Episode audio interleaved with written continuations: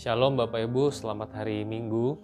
Hari ini firman Tuhan saya ambilkan dari Zakaria pasal 1 ayat 4 sampai 6. Zakaria pasal 1 ayat 4 sampai 6. Janganlah kamu seperti nenek moyangmu yang kepadanya para nabi yang dahulu telah menyerukan demikian. Beginilah firman Tuhan semesta alam, berbaliklah dari tingkah lakumu yang buruk dan dari perbuatanmu yang jahat tetapi mereka tidak mau mendengarkan dan tidak mau menghiraukan aku. Demikianlah firman Tuhan. Nenek moyangmu di mana? Nenek moyangmu di mana mereka? Dan para nabi apakah mereka hidup untuk selama-lamanya? Tapi segala firman dan ketetapanku yang telah kuperintahkan kepada hamba-hambaku, para nabi, bukankah itu telah sampai kepada nenek moyangmu? Maka bertobatlah mereka serta berkata, sebagaimana Tuhan semesta alam bermaksud mengambil tindakan terhadap kita sesuai dengan tingkah laku kita dan perbuatan kita. Demikianlah ia mengambil tindakan terhadap kita. Bapak Ibu Saudara, jemaat sekalian waktu membaca bagian ini saya merasa satu pesan yang kuat bahwa bangsa Israel itu ber, berdosa semenjak generasi yang ada di atas, nenek moyang. Dosa itu turun, temurun, diturunkan sampai ke generasi yang bawah yang saat ini sedang berhadapan dengan Zakaria. Kembali kita diingatkan doktrin dosa, dosa itu asali, dosa turunan. Manusia nggak perlu diajarin untuk berbuat dosa, dia auto berdosa. Saya juga melihat di sini betapa gelapnya kegelapan itu Israel itu ndablek nggak bisa dibilangin. Bahkan dari nenek moyang sampai generasi yang ada di bawah. Semuanya berdosa di hadapan Tuhan. Saudara membaca Zakaria 1, 2, 3 ketika bersaat teduh pada hari ini.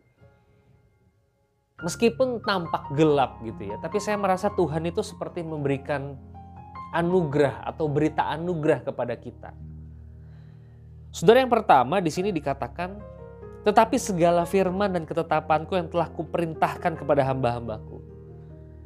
Firman Tuhan itu ada sejak dari nenek moyang sampai sekarang.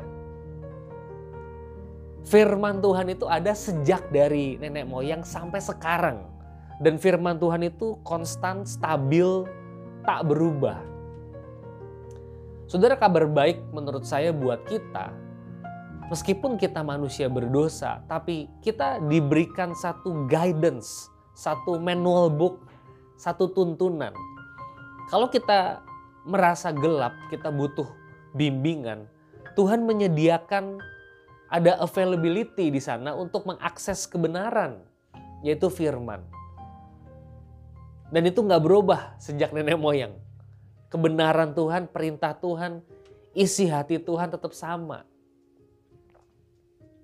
yang kedua, saudara, saya terkesima dengan kalimat ini nih. Sebagaimana Tuhan semesta alam bermaksud mengambil tindakan terhadap kita. Saudara, dosa-dosa manusia yang begitu berat, masalah yang begitu gelap, diatasi oleh Tuhan sendiri. Mengambil tindakan langsung untuk kita. Dia turun tangan. Dia menyelesaikan, menuntaskan masalah ini dari dirinya sendiri. Kebetulan waktu baca Zakaria saya juga membaca Wahyu 12 ayat 10. Aku mendengar suara nyaring dari sorga berkata, Sekarang telah tiba keselamatan dan kuasa dan pemerintahan Allah kita. Dan kekuasaan dia yang diurapinya karena telah dilemparkan ke bawah pendakwa saudara-saudara kita yang mendakwa mereka siang dan malam di hadapan Allah kita Keselamatan itu tiba sekarang. Kebebasan itu tiba. Para pendakwa itu dilemparkan. Gak ada lagi yang mendakwa kita. Saudara membaca bagian firman Tuhan ini saya merasa ini kita mendekati Natal. Yesus Kristus itu firman, sang firman itu datang ke dalam dunia ini itu adalah hampers yang paling bernilai dari semua hampers yang kita terima atau yang kita berikan kepada orang. Tuhan sesungguhnya Allah Bapa memberikan hampers yang terbaik itu yaitu anaknya yang tunggal Yesus Kristus untuk keselamatan dunia. Gak ada yang lebih menakjubkan daripada berita Natal, daripada kedatangan Tuhan.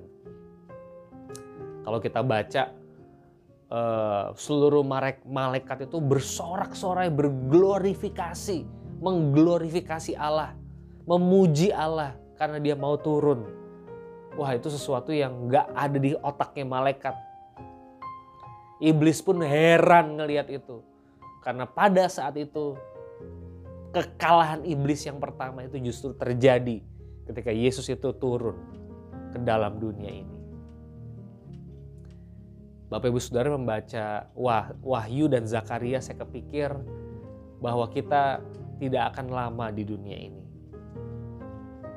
kita harus ingat nanti ada kan ada kedatangan Yesus yang pertama kan. Berarti ada kedatangan Yesus yang kedua.